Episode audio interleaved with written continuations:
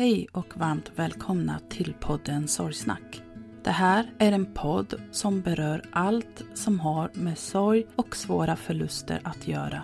När livet inte blev som vi hade tänkt, när något oväntat händer och hela ens liv vänds upp och ner över en dag och när vi tvingas ta farväl av någon vi älskar.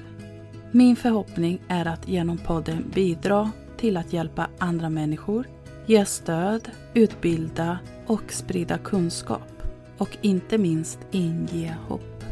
Jag som gör podden heter Lia Persson, är journalist i grunden och även certifierad handledare i sorgbearbetning. Idén till podden föddes ett år efter att jag förlorade mitt första barn. Det här var början på mitt nya liv. Livet som nybliven mamma och samtidigt änglamamma.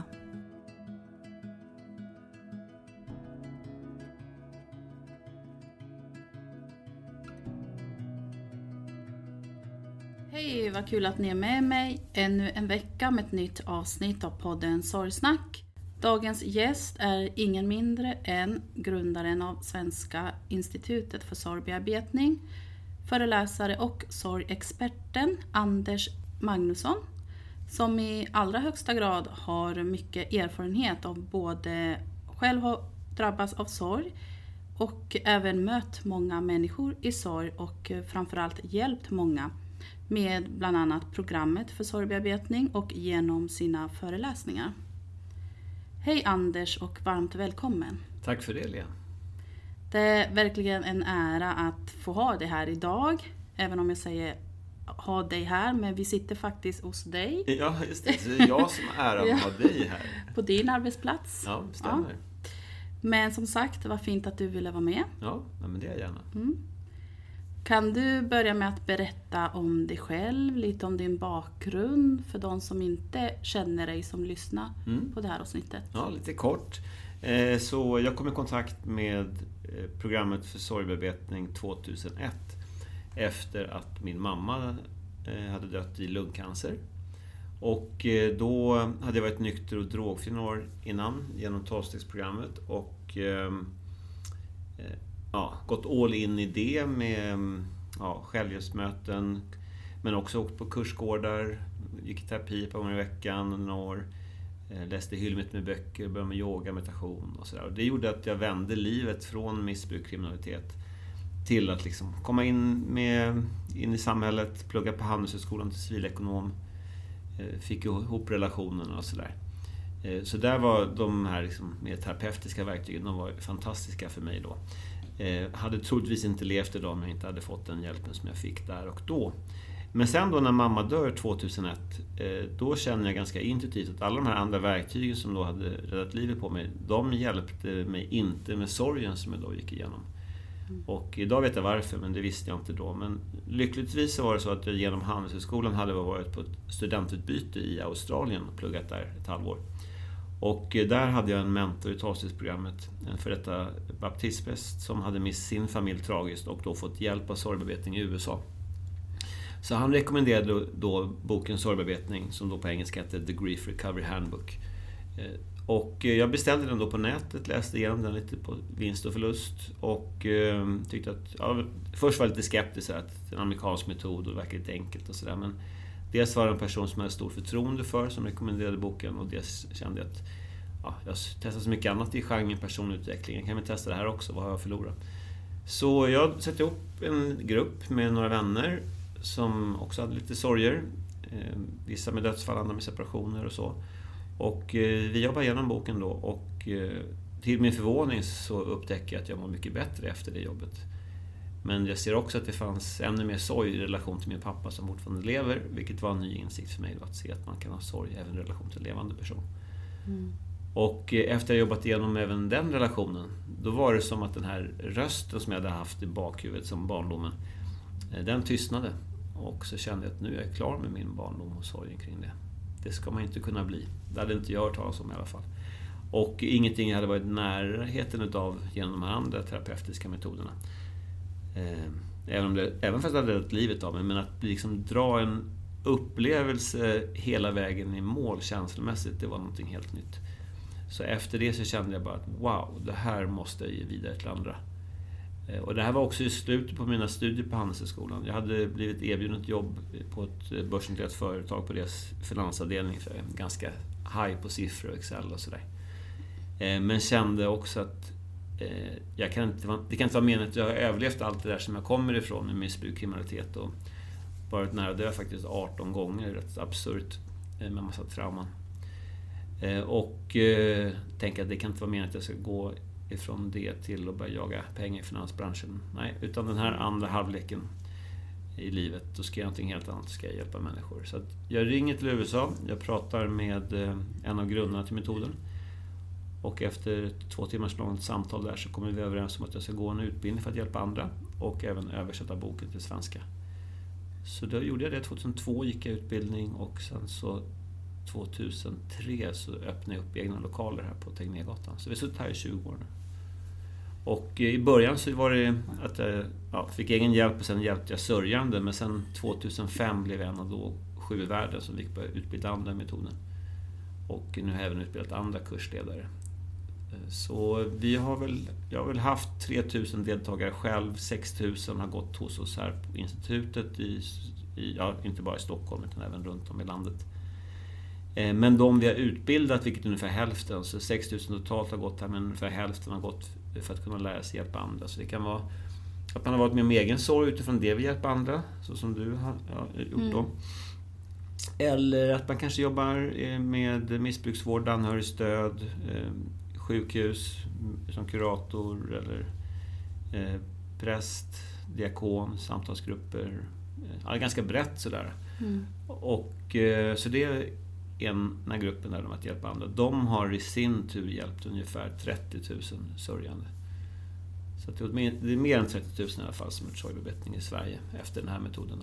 Och också nu då, eh, det var den inte när jag började, men nu är det världens enda evidensbaserade metod också för bearbetning av sorg. När jag började så var den inte det, utan då var det bara att jag mm. märkte att det funkar. Nu har vi papper på det också. Mm. Mm. Wow. Ja, det är häftigt. Vilken resa. utveckling. Ja. ja. Och vilk, ja, vilket jobb du har gjort, verkligen. Ja, mm. det, det har varit... Eh, nu, är det, nu är det någonting helt annat. När jag började så var det mycket skepsis och så, motstånd mot etablissemang och sådär. Men nu har vi varit igång i 20 år och evidensbaserat sådär. Så nu får jag till och med föreläsa för blivande psykologer varit lärare på högskola. Och, och eh, ja, gör uppdragsutbildningar för kommun och regioner och mm. församlingar och sådär. Så det, nu är det lite mer eh, medvind, men definitivt i början var det, då var det ett uppförsbacke. Men eh, mm. jag tror att vi... Ja, det blir större och större ringar, ringar på vattnet. Något av det häftigaste med det jag gör, det är faktiskt när folk hör av sig till mig efter att ha fått hjälp av någon annan. Så att de tackar mig för att jag har tagit hit det här eh, med sorgbearbetningen. Och, ja, fast jag har aldrig träffat dem, utan de har så fått hjälp av någon. Det, för det var någonstans det som var min intention när jag började, det var ju att sprida de här verktygen vidare så att de lever kvar även när jag inte finns kvar längre. Mm. Det börjar bli så nu, så det är häftigt. Men vi hoppas självklart att du kommer att vara kvar mycket, mycket längre ja, framöver också. ja, jag har inga planer Även på att sluta. Även om metoderna sprider sig och verktygen och så. Jag kanske har, eh, kanske har 20 bra år kvar mm. i det. Men, eh, så det kanske, jag är kanske halvvägs nu då. Men eh, skulle jag dö idag så tror jag att det kommer leva kvar ändå. Mm. I någon form. Så pass många är ändå som håller på med det. Och det är så pass... Ja, resultaten är sådär otvetydiga när man gör jobbet. Mm. Mm.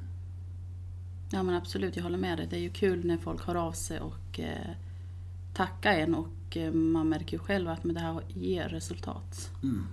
För egen del, personligen måste jag säga, men också Eh, där jag har fått möjligheten och förmånen att kunna ja, du också hjälpa fått, andra. Du, ja, du har också hjälpt andra. Så, så du det, tillhör det är ju de här, kul, verkligen. Ja, du, du tillhör de här 3000 som har hjälpt ja. de här 30 000.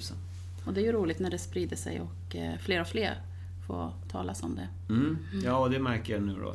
Det är ju när man får höra om samma sak från mer än ett håll så blir det ju inte så främmande och skrämmande. Utan, ah, det där men det har jag hört om förut. Liksom, och så där, så jag kanske mm. ska titta närmare på det. Mm.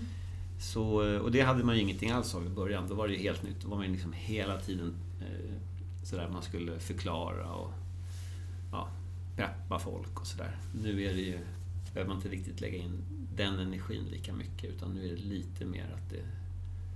Ja, jag ska inte säga att det är självgående för det är det absolut inte men det är, men det är mer, mindre utav det här med förklarandet. Och sen finns det sådana här saker som är poddar. Mm. Eh, och eh, även inspelad föreläsning som ligger på Youtube. Dumpa bagaget som man kan titta på. Mm. Så man kan få ett inblick i metoden. Ja, och sen gör du såna här bra saker som eh, sorgdagar. Mm. Så att jag tycker ändå att när jag började, då pratade man om sorg. Då var det nästan bara dödsfall som folk pratade om. Ja, kan tänka mig det. Mm. Ja. Men nu är det ändå att man associerar sorg även med skilsmässor. Och sjukdom, olyckor och... Mm. Ja, egentligen vad som i livet. Mm. Som alla förluster och förändringar är ju sorg. Ja, men absolut. Så det är ju bra att man ser värdet i det, att faktiskt bearbeta mm. alla förluster och trauman och kriser som man går igenom. Ja.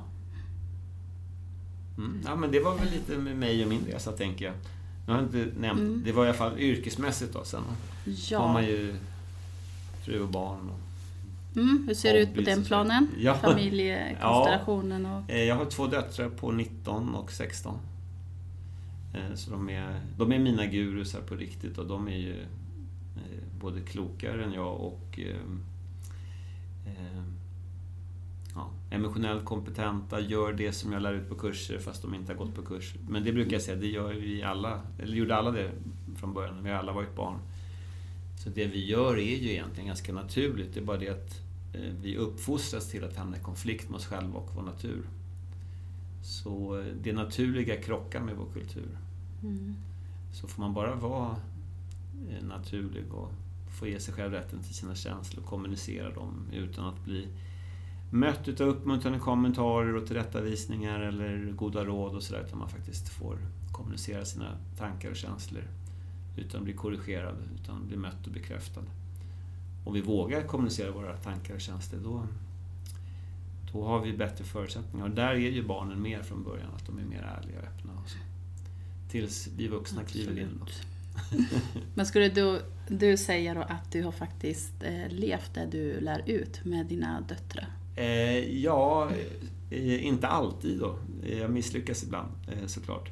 Men eh, i, jag har haft en medvetenhet från start i alla fall. Så, att, mm. så min, min fru hon har ett hängsmycke en, som en sån här identitetsbricka. Fast istället för så namn och personnummer så står det eh, Märta Elsa lär mig. Mm. Det är mina döttrars namn där, Märta ja. Elsa. Eh, så den, den utgångspunkten har vi haft mm. från början. Och även som Khalil Gibran skriver, jag vet inte om du läste den med Profeten. Så finns det ett kapitel om barn där det står att era barn är inte, er, eh, era, barn är inte era barn. De kommer igenom er men inte från er. De är mm. livets längtan efter sig själv. Mm. Och eh, försök inte få era barn att bli som er. Men ni får gärna försöka bli som era barn. Mm. Tänkvärt. Så ja, mm. så inte det här typ att man ska uppfostra sina mm. barn. Utan jag, jag mer ser att man ska lära sig från... Sen kan man ju lära, just man kan lära barnen sådana här praktiska saker, hur saker funkar rent faktiskt. Sådär. Men mm. när det gäller intuition och känsla och så, då är det bara Sånt som är bra att veta. Lägg inte handen på den där varma plattan, Nej, kan bränna inte sådana saker. Tra trafik ja, och ja. högerregeln och sånt där. Ja. Parkeringsregler. Men eh, när det gäller sån här emotionell intelligens och kontakt med andliga och närvaro. Det är sällan man ser barn som behöver träna på affirmationer eller mindfulness. Nej, Nej. Nej det är sant. Utan där hade vi från början. Så som vuxen har man tappat nuet och mm. självkänslan. Mm. Ja. ja.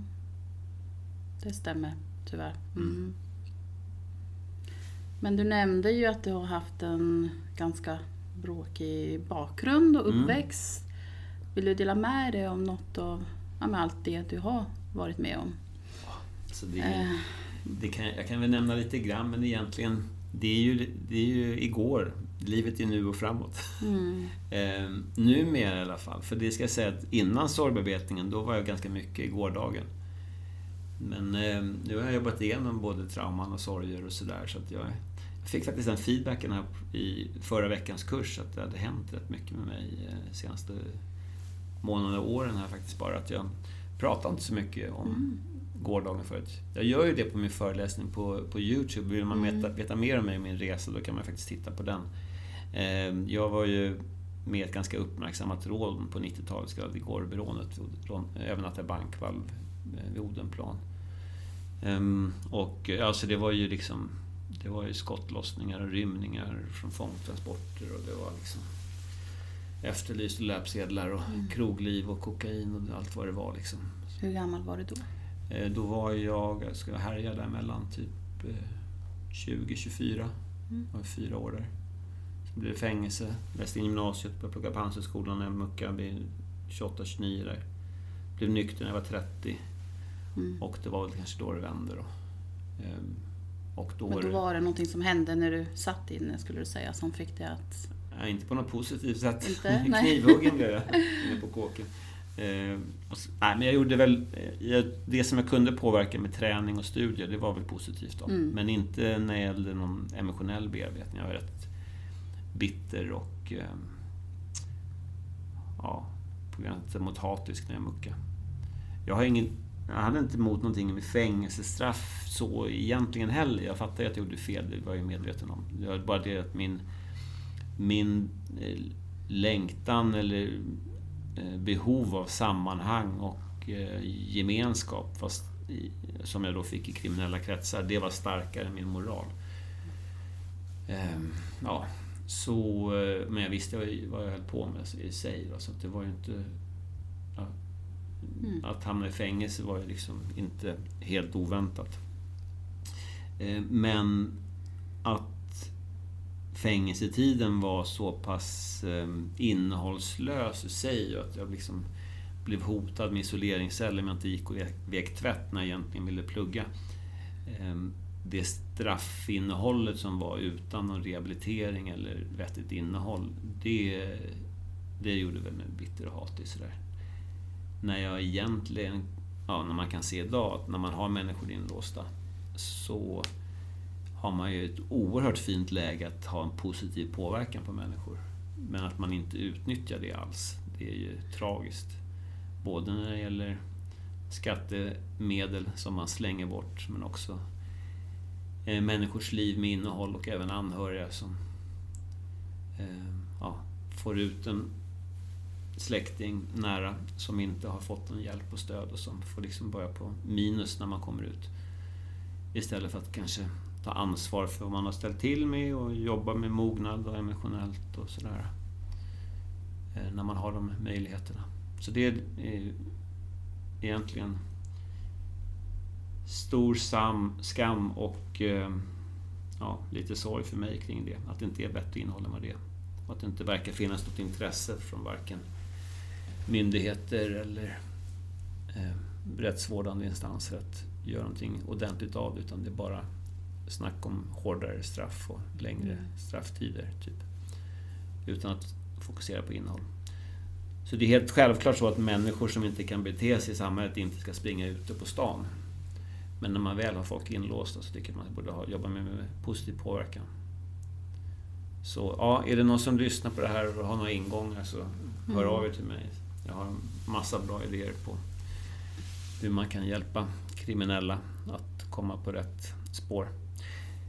Ehm, mm. Men eh, det var väl eh, lite med resan där kring det. Vill man veta mer om det där som sagt, då kan man kolla på den här Youtube-föreläsningen. Mm. Jag också komma ihåg här nu att ehm, det här var ju då 30 år sedan, mer än 30 år sedan, som jag gjorde mitt senaste stora brott var ju 91 som sagt. Mm. Nu är vi 23, så det är ja, 32 mm. år sedan. Med 55. Så det är ju... Ja, det är lite tid mm. som har flutit, lite vatten under bron där. Ja. Så att det känns lite gammalt och jag, jag håller inte på med det där. Alltså jag är rätt klar med, med det sen, i sin, på sitt sätt så. Men eh, som du hör, lite laddning kanske på det här med rättsvårdande apparaten och sådär. Eller ja, onödiga mänskliga lidandet. Om man ändå nu ska väl lida sådär. Jag tycker att man kan ha en bra påverkan. Jag vet ju att det är många som har brutit sitt gamla och idag gör bra meningsfulla mm, grejer absolut. som är bidragande kraft i samhället och sådär.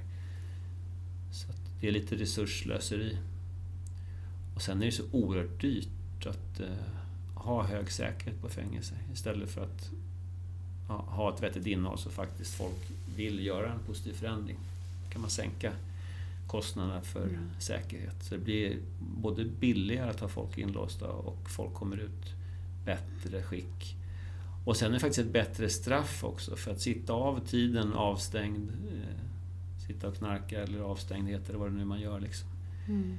Är ju på sitt sätt ett lindrigare straff än att möta sin ångest, smärta, skammen, ta ansvar, ta kontakt med folk man har skadat och hela den resan. Liksom. Det är ju rätt smärtsamt inre arbete att göra. Så att om man vill... Ja, det kräver ju mycket av en som ja, individ. Att, ja, det är ju plågsamt liksom. Då får man verkligen se hur man, vad man har ställt till med. Så det är ju på sätt och vis ett bättre innehåll i straffet än att bara vara inlåst. Det är faktiskt att möta sig själv och det man har ställt till med. Att faktiskt få rannsaka sig själv. Det är ju en extra krydda på straffet för de som vill ha hårdare straff menar jag. Ja. Så att, eh, det här Där sa typ, du något, verkligen. Att, man, ja. att säga, ja men vadå, hålla på och ge dem terapi och sådär. Liksom, ungefär som om det vore någon belöning. Det är ett alldeles utmärkt straff för fångar. att möta ja. sig själv eh, och det mm. man har gjort. För det ska jag säga att det, var, det är många svett, ångestfyllda, kallsvettiga timmar som jag har ägnat mig åt att möta mig själv. Det har inte varit en smärtfri och lätt Ingen resa. dans på rosor? Nej, det har inte varit. Men det gav resultat? Mm. Det har gett resultat, absolut. Verkligen. Ingen quick fix, men mm. definitivt eh, verksam fix, får man säga. Mm. Ja, men jag tror det känns som att det får räcka med mm. historielektion på det. Ja. Mm. Absolut. Men ja, men om vi spolar fram lite då. Ja.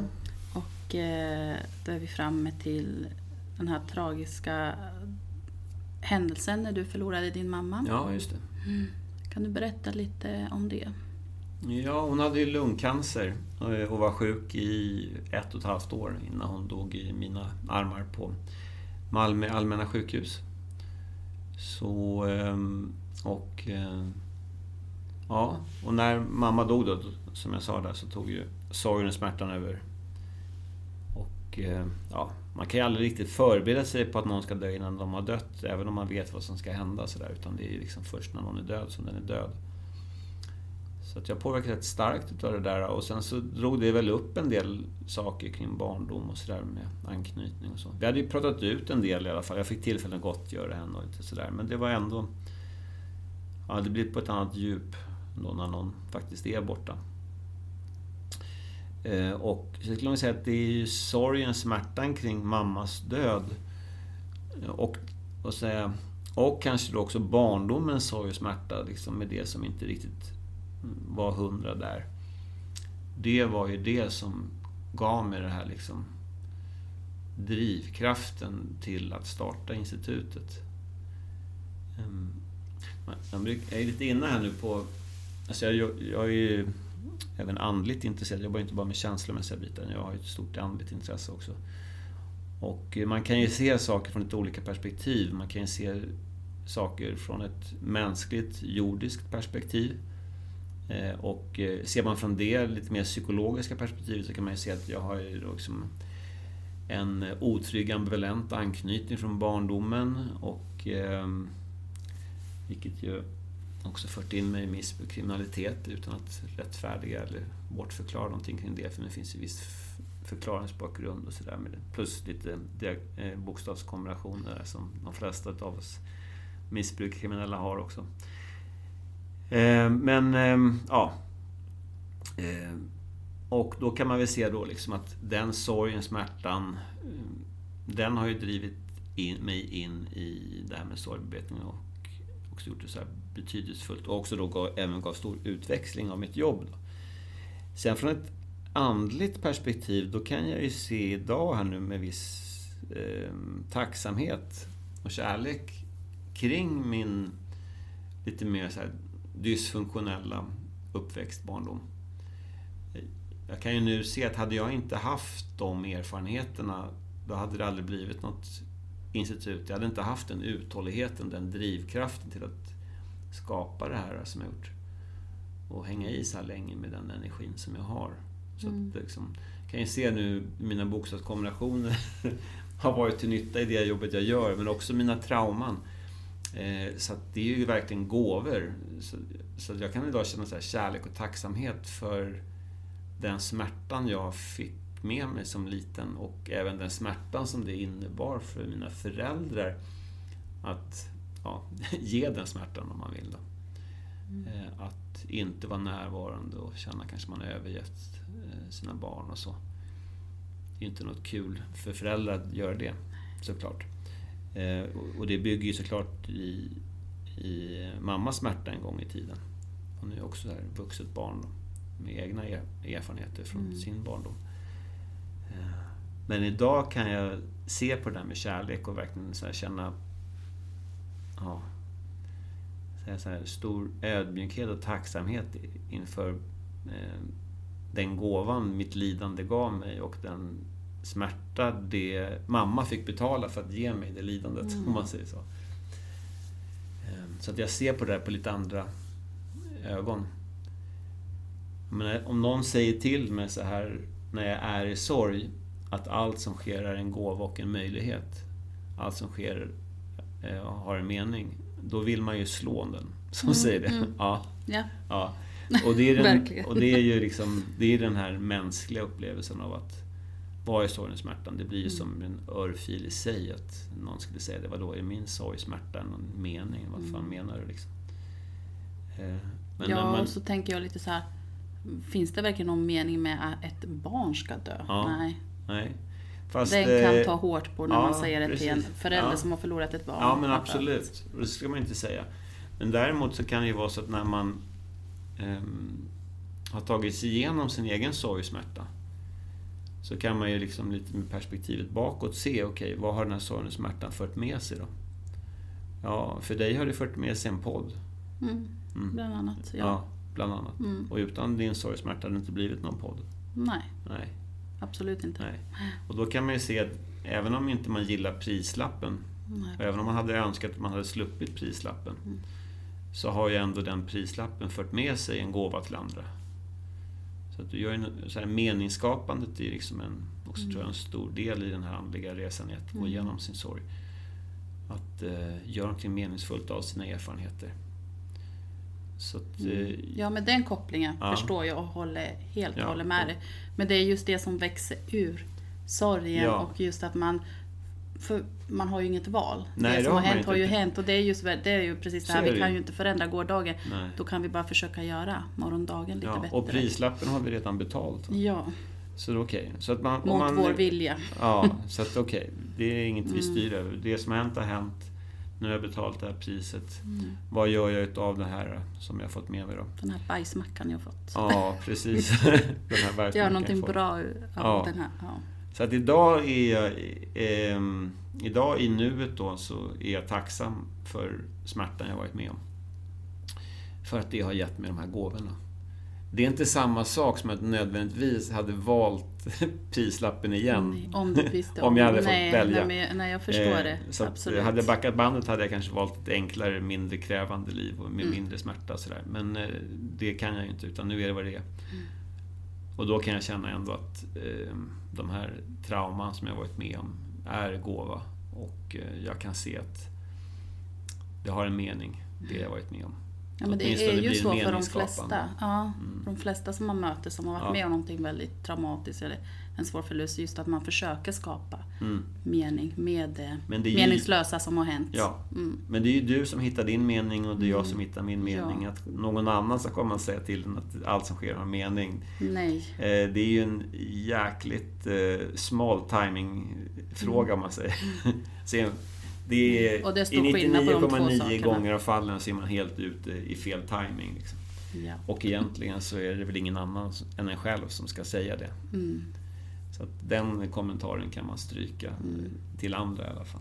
Don't go there. Don't go there. Nej, det är nog det säkraste. Men för mig känner jag att allt som har hänt i mitt liv är en gåva och en möjlighet. Ja, det är ju fint att du kan nu, känna så idag. Idag, ja. men eh, eh, det har inte alltid varit så. Det kan jag förstå. Mm. Jag har ännu inte, hoppas jag peppar peppar, tar ett förlorat något barn. Mm. Eh, andra trauman då. Men jag har ju haft deltagare som har förlorat barn och som gör meningsfulla saker kring det, som du till exempel. Absolut. Som sagt, inte, inte att förväxla med att man gillar prislappen, att Nej. man hade velat betala priset igen för gåvan. Mm. Men det är väl så, man får leva livet framåt och förstå det bakåt, som man brukar säga. Ja, man måste ju ta det från alltså här och nu, där jag står idag. Mm. Mm. Eh, Vilket ju underlättar om man har bearbetat det man har i gårdagen. Då. Så det är väl vägen, det är vägen Verkligen. framåt. Det är att börja med att ta hand om gårdagen och sen så Mm. när man är klar med gårdagen då kan man släppa Mm. och gå framåt. Såklart utan att glömma det man har varit med om, för det kan man ju aldrig göra. Nej. Och det är inte en nödvändighet för att få läkning heller. Nej. Och det är ju inte hela meningen med, den här, med det här programmet. Det är ju verkligen inte det man ska glömma. Nej, det som har hänt. inte. Det går ju inte. Så det blir svårt. Men eh, Mm. ja, sätta ord på, kommunicera, dra upp sin upplevelse. Så man någonstans, man ser citattecken, bli klar med den. Så att man inte har samma laddning längre. Mm. Så man kan få minnas det som var bra med kärlek och tacksamhet istället för att sitta fast i sorg och smärta kring det som inte blev som man hade Mm. tänkt sig. Men vi, när vi ändå är inne på det Ja. nu, kan du berätta lite mer om själva programmet och hur, hur det funkar, hur det går till, vad är det för metod? Ja, man kan väl säga att lite så här förenklat då, vad är det man gör? så är det utgångspunkten i alla fall, det är att sorg i sig är en normal, naturlig reaktion. Sorg påverkar oss både känslomässigt, mentalt, fysiskt och även beteendemässigt på alla de planen. Men jag skulle säga att det känslomässiga är det centrala. Eh, på det sättet att om du får känslomässig läkning, då återgår dina tankar, eh, beteenden och fysiska reaktioner till det normala. Men om du inte får känslomässig läkning, eh, då kan du ju försöka hantera dina tankar och beteenden och det fysiska, men det kommer inte ge några långsiktiga resultat. Så du säger att du har en spänning i kroppen, du får värktablett eller går på massage eller jobbar med det, avslappning och sådär. Har du inte tagit hand om det känslomässigt så kommer inte spänningen släppa på lång sikt utan du får liksom problem med det hela tiden. Det kan ha samma sak med stress, utmattning, sömnproblem. Ja, det Ja, för det liksom sätter sig i kroppen. problem. Det vet vi ju. Sorg sätter sig i kroppen. Ja. Mm. Eh, och det kan vara beteenden också med matmissbruk eller träning, arbete och sådär. Liksom. Eller ehm, eh, ja, beteendeproblem som jag är inne på med missbruk av olika slag kan det ju vara också. Men också med eh, tankar, kanske går och ältar saker och sådär. Men om du får känslomässig läkning, då släpper stressen och kopplar av liksom beteende, flyktbeteendena, eh, eller behoven av flyktbeteende försvinner och sådär. Så det är liksom det känslomässiga som är centrala samtidigt som hela vi påverkas. Och, eh, och då är det så att oförlösta känslor, om vi jobbar med, pratar om det, då, då beror oftast det på något okommunicerat och känslomässig natur. Så kommunikation är nyckeln då. Eh, Och den kommunikationen behöver tas inom ramen för relationen som man har den här upplevelsen med. Så vi interagerar ju med både människor, djur, saker, platser, aktiviteter. Och det är inom ramen för de här upplevelserna som vi behöver kommunicera. Så det är lite av gestalt i, som ingår att man kommunicerar till motparten. Men också då med ett levande vittne. Ehm, ja, eh, så man blir hörd och känner sig sedd med och bekräftad i det som man kommunicerar. Det gör att den känslomässiga energin eh, frigörs från våra eh, minnen. Så att man kan tänka fritt på det man har varit med om, men utan den här smärtan och energiförlusten. Och det jag beskriver här nu det är liksom så här lite förenklade principer. Eh, det är ju, ja, det är ju ett mer, det är något mer komplext än det jag beskriver, men i stora drag i alla fall, det är liksom själva grundprincipen. Jag brukar säga att hade man vetat vad man skulle göra för att bearbeta sin sorg, då hade man gjort det. Så i grunden ett kunskapsproblem. Det är också därför som vi kallar det för kurs vid ett institut som jobbar med forskning och utbildning. Ehm, det är kurser, föreläsningar, det är kurslitteratur, det är hemuppgifter, det är övningar, ja, det är redogöra. Det är liksom, liksom den skoljargongen om man säger. Så i de här fem stegen så kan man säga att första steget handlar om att skaffa dig kunskap kring vad oförlöst sorg beror på, hur man hamnar i en situation med oförlösta känslor. Hur vi uppfostras till att hamna i konflikt med oss själva och vår natur. Eh, liksom det sammanhanget, det ska vi säga är det första steget. Höja kunskapsnivån något. Sen nästa steg, då är det en övning som vi kallar för ett förlustdiagram. Eh, där man inventerar sig själv och sitt liv och ser vad har jag varit med om för olika förluster och förändringar.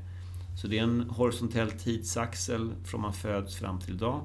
där man med vertikala streck markerar in eh, ja, olika förluster och förändringar som man varit med om.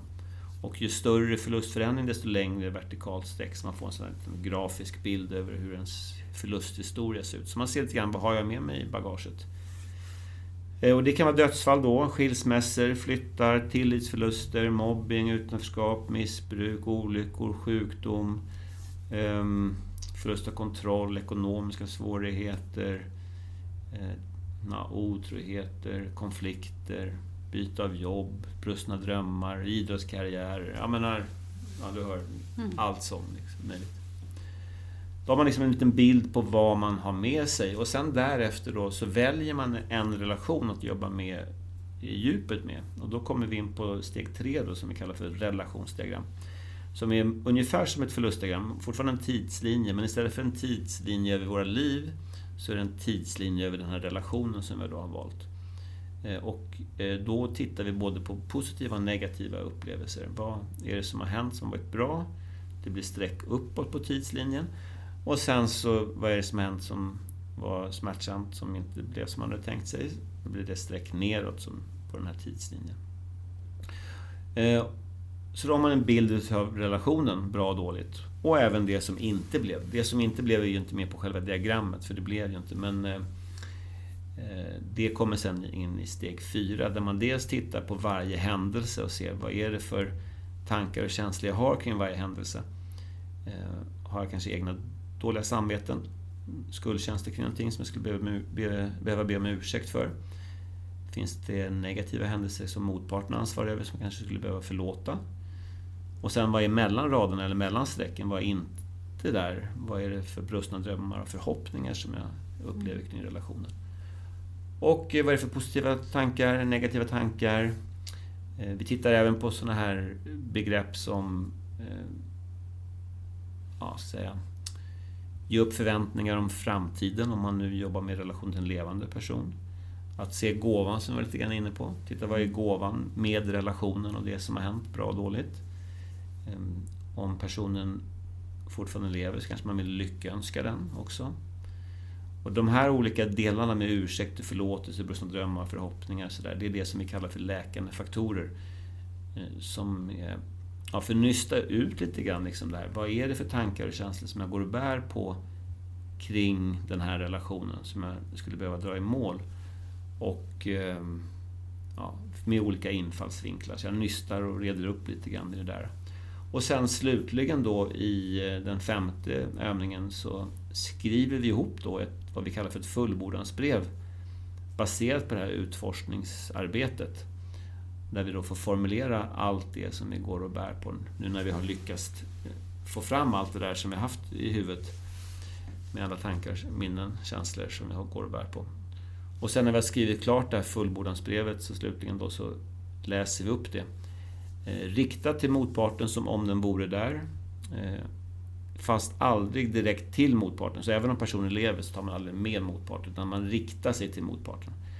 Så man blundar, visualiserar motparten framför sig. Oavsett om den lever eller inte så eh, är det bara en själv och ett vittne som man har med sig i rummet. Så man läser upp brevet för en annan person som inte själv är berörd av relationen. Så något så här oberoende vittne. Det kan vara en präst, en terapeut, en vän som inte själv är berörd av relationen. Eller som vi gör på kurserna, någon som eh, en annan kursdeltagare som eh, inte känner mig eller känner motparten.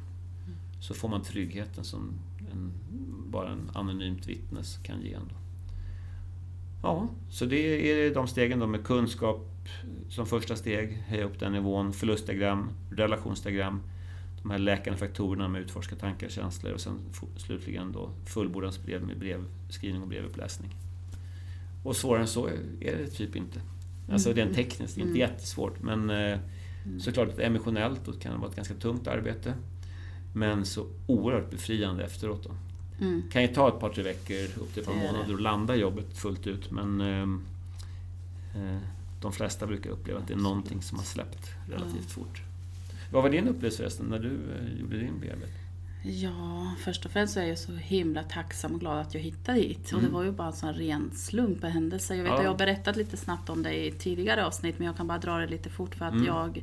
Vi bodde ju precis här. Vi befinner oss eh, mitt i Stockholm, i Vasastan. Ja, Tegnérgatan. Ja, precis vid Råmansgatan. Och jag bodde ju här, korsningen Råmansgatan, Sveavägen då. Ja, Vi hade precis flyttat hit efter att vi hade förlorat Alexis och det hade ju Mm. bara gått någon vecka. Så var jag bara ute och gick promenad med hundarna. Mm. Av en ren händelse så passerade jag här. ja. Eh, Så och råkar så du såg jag, här då? ja, så såg jag den här stora skylten här, sorg.se. Ja. Och så tänkte jag, vad är det här för något? Ja. Men det var verkligen som att det var någonting som, att det var bara meningen att jag skulle gå förbi Ja. Då, bra. där och då när jag behövde det som mest. Så det var som en så här aha-upplevelse. Eh, Synkronicitet där. Mm. Så jag brukar säga slumpen är när Gud föredrar att vara anonym. Ja. Nej men verkligen, det kändes, det var meningen att jag skulle, be liksom. det var meningen verkligen. Mm. Och Vad sen, hände sen då? Du gick in på hemsidan? Då? ja, jag Ja. googlade, tog fram telefonen, eh, lugnade ner mig, gick hem och började läsa om det. Mm. Tänkte jag, men det, det här, varför har ingen berättat om det här, att det här fanns? Mm. Och inget illa menat så här, men nu, jag gick ju hos en eh, terapeut och psykolog men jag kände liksom jag behövde någonting mer. Mm. Även om den biten behövs ju också självklart och det tyckte jag var jättebra. Men jag kände ju redan där och då att men det här kanske inte är riktigt det jag behöver för att bearbeta den här förlusten. Mm. Utan det måste finnas någonting mer, kände jag redan innan jag Ja. hittade hit. Eh, så det är jag otroligt tacksam för och glad att jag gjorde. Och, nej, men sen gick ju, eh, när jag sen började jobba så gick jag faktiskt till min chef också att jag hittade den här utbildningen som jag skulle jättegärna vilja gå. För att vi då jobbade ju inom försvaret och Ja. vi har ju där möjlighet att eh, gå lite olika kurser som inte nödvändigtvis och utbildningar som inte behöver vara kopplade till det arbete vi gör på jobbet nödvändigtvis. Eller att, ja, men eh, i och med att jag också har jobbat tidigare med krishantering Mm. inom försvaret. Mm. Så, så blev det ändå att Det de, de ändå tyckte, fall. ja, men de tyckte ändå att det var en bra grej för Mm. mig. Både på liksom privat plan men också någonting som jag kanske kunde ha nytta sen av på Mm. jobbet och bidra med.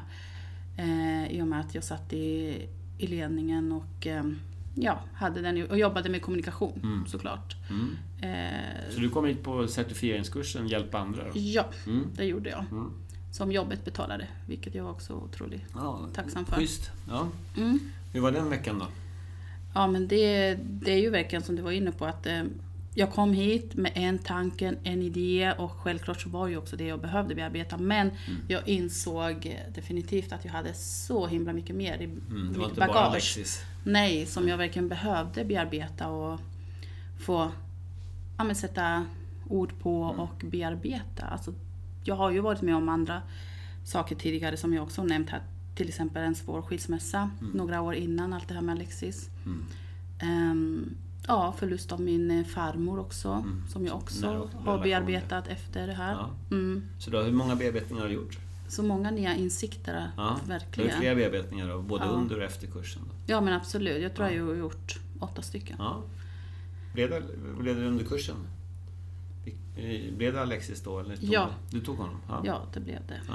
Och det, var, det behövde jag ju, absolut. Mm, Känslosamt kan jag förstå, Mm. förstå att det var då. det var det. Men det gav mig...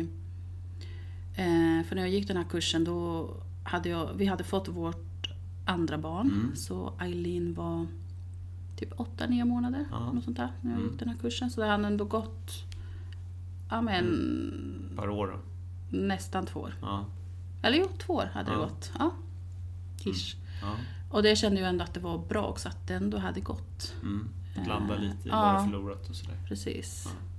För att orka, i och med att det, det är ju som du var inne på, det, det kräver ändå mycket Mm. av en. Mm. Känslomässigt och man måste vara med och liksom ha 100% och när man är där och sen är det ju hemuppgifter och Mm. eh, Ja, ja. det är, det är Men, full eh, fart på dagarna. Det är inte, Mm. Ja, det är är jätteintensiva dagar. Mm. Kände du att det släppte det för dig direkt eller tog det ett tag att landa i jobbet? Nej, jag kände faktiskt när vi var klara med hela kursen, Mm. hela programmet, Ja. när jag kom hem att det, att det blev som ett annat sätt att eh, bära med sig den här sorgen och Mm. den här stora förlusten. Och Mm. jag kunde se på det med andra ögon. Ja, någonting som hade skiftat där Ja, ganska snabbt. absolut. Mm. Ehm, absolut, det var det. Och jag tror inte att jag hade varit där jag är idag om inte jag hade gjort den här be bearbetningen. Mm. Ja, Så jag har fint. faktiskt också försökt, Ja, inte för mycket, men Nej. försökt lite så här, övertala min man. Eller Ja. åtminstone liksom berättat för honom Ja. självklart, så vet han ju om det. Och, så där, Mm. och berättat hur jag har känt efter den här kursen, Mm. utbildningen.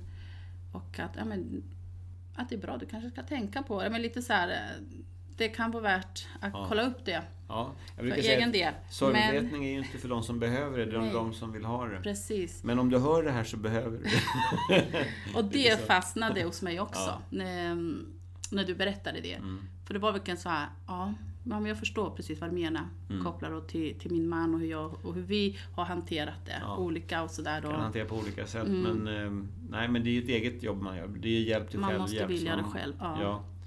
Sen, kan man ju, sen kanske man inte känner för Man kanske inte har någon sån jättestor lust. Utan man har ett motstånd. Men eh, jag brukar säga att det är okej att ta ett motstånd. Men att samtidigt ta ett beslut om att inte låta sin rädsla eller motstånd hindra en från att få det man behöver. Mm. Utan man kan ju ha ett motstånd och göra ändå.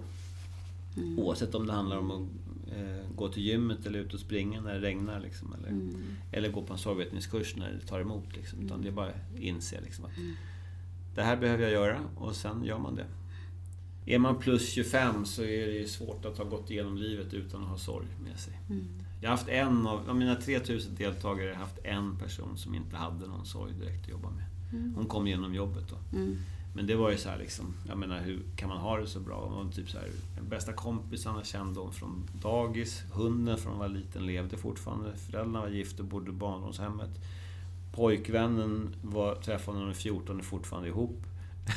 det var så här, Mm. Mm. ja. Det var liksom inga förändringar. Hon var typ drygt 20 då liksom. Mm. Men det här är ju 15-20 år sedan. Mm. Det kanske har hänt. Ja men nu lever ju, åtminstone lever inte hunden längre. Nej. Ah, nej, Nej. nej, men precis. Det kan Så vi ju att, eh, räkna ut. Mm. Ja. Nej, så att vi kommer ju alla, eh, förr eller senare, om vi får leva ett tag, kommer vi alla vara med om sorger.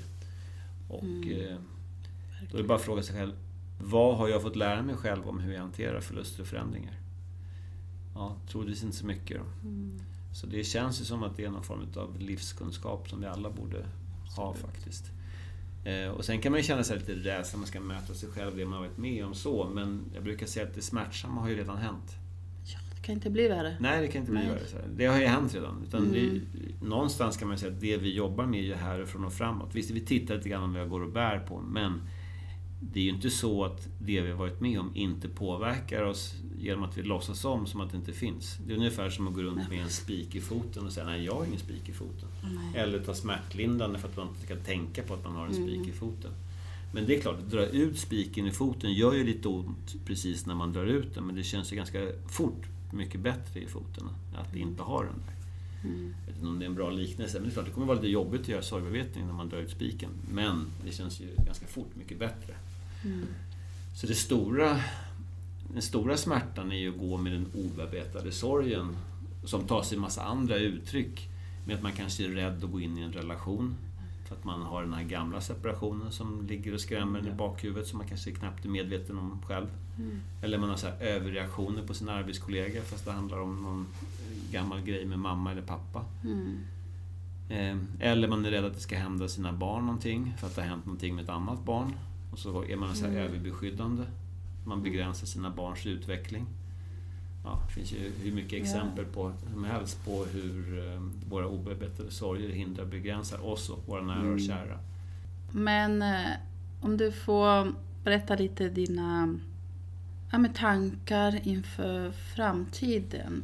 För din egen del. Så här, hur ser du, vart är du på väg och Mm. hur tänker du? Eh, ja, jag är på väg eh, lite mer på eh, att sprida den här informationen digitalt, så att fler får tillgång till den. Så även de som inte har fysisk möjlighet att ta sig till Stockholm eller Malmö, Göteborg där vi har våra kurser. Eh, även de kan få information. Och eh, även eh, en fortsatt eh, internationell spridning av kunskapen. Eh, jag har ju varit och föreläst en del i Norge och Finland och vi har en del utbildade handledare som även jobbar där.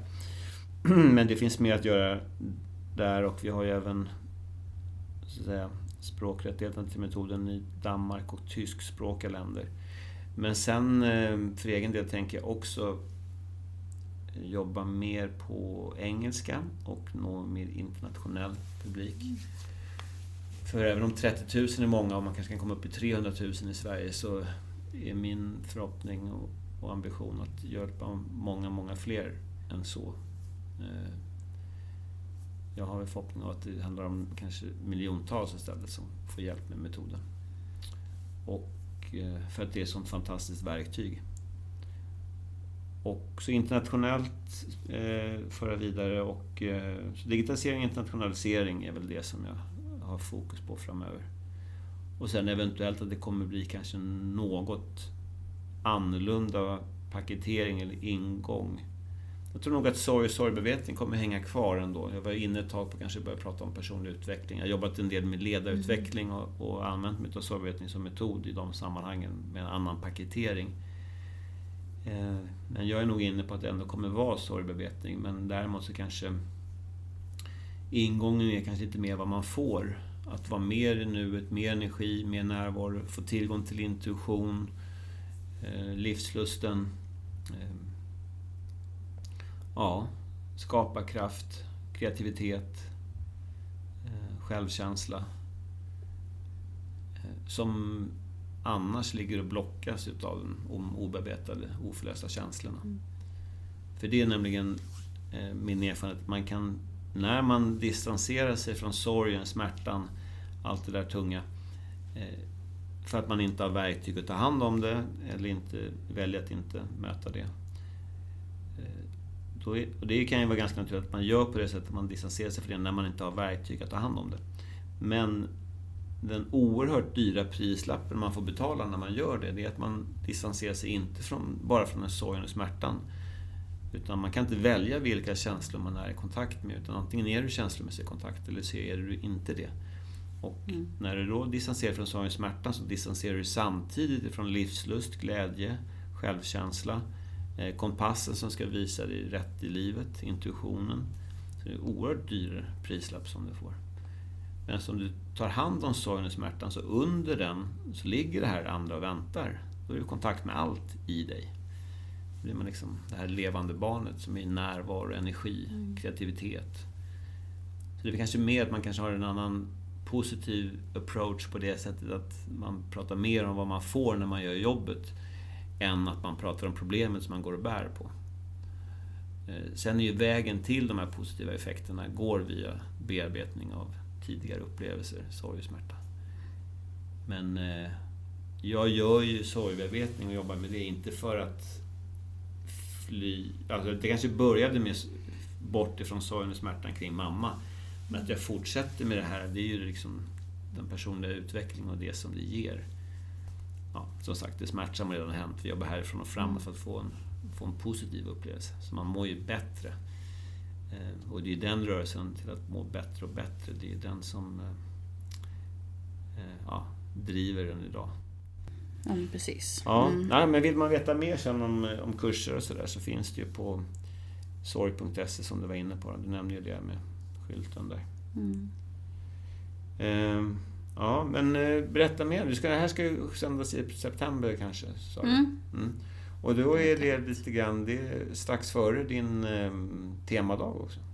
Innan sorgkonferensen? Ja, just det. Ja, sorgkonferensen är ju den 16 oktober. 16 oktober, ja. Så det håller vi på full planering, eller ja, nästan helt mm. färdiga då med planeringen och vi har börjat nu med biljettförsäljningen också. Ja, vad mm. fint.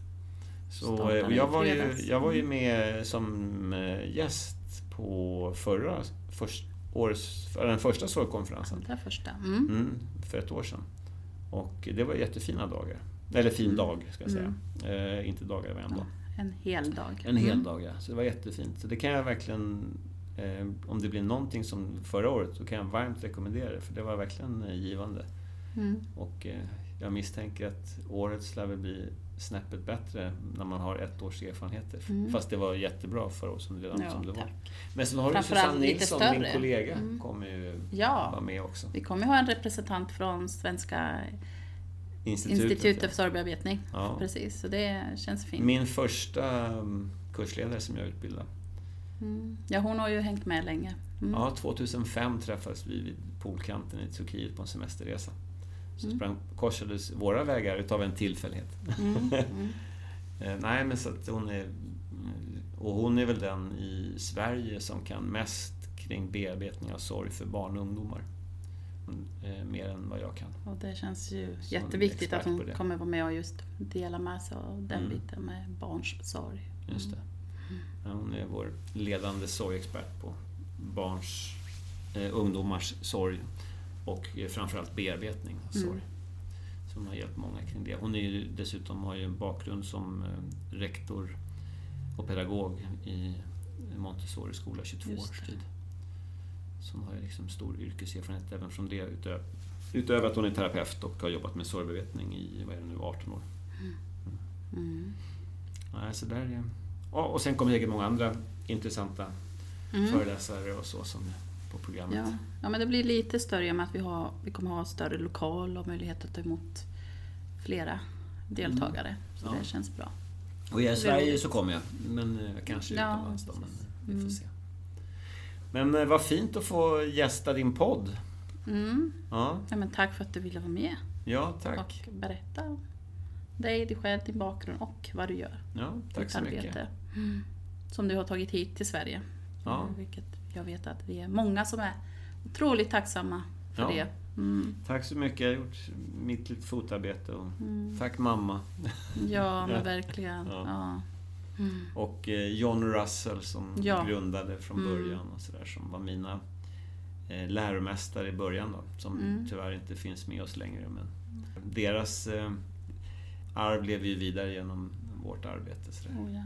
mm. Så det finns ju ett antal länder över hela världen nu. Började i Los Angeles 1977. Så, och John dog här för två år sedan. Så Russell för fem år sedan. Eh, Men eh, ja, jag känner bara kärlek och tacksamhet utifrån deras arv. Då. Så drar jag tar staff, tar staff, eh, stafettpinnen en litet bit vidare och sen får någon Mm. nästa generation axla sen. ja. Ja, men tack en gång och eh, ja, vi syns på konferensen eller återträffarna här framöver. absolut. Ja. Det lär vi göra. Mm. Mm. Och tack till dig som har lyssnat. Ja, det ska jag säga att eh, om det är någon lyssnare som har någon fråga så, där, så kan ni mejla mig, nå mig på info sorg.se om ni har några frågor eller funderingar eller feedback eller vad det kan vara. Så info sorg.se nås jag på. Mm. Mm. Toppen, bra.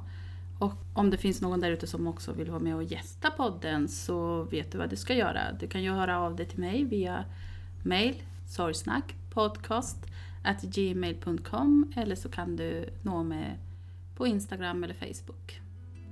Tack ska du ha. Tack. Ha det fint. Hej då.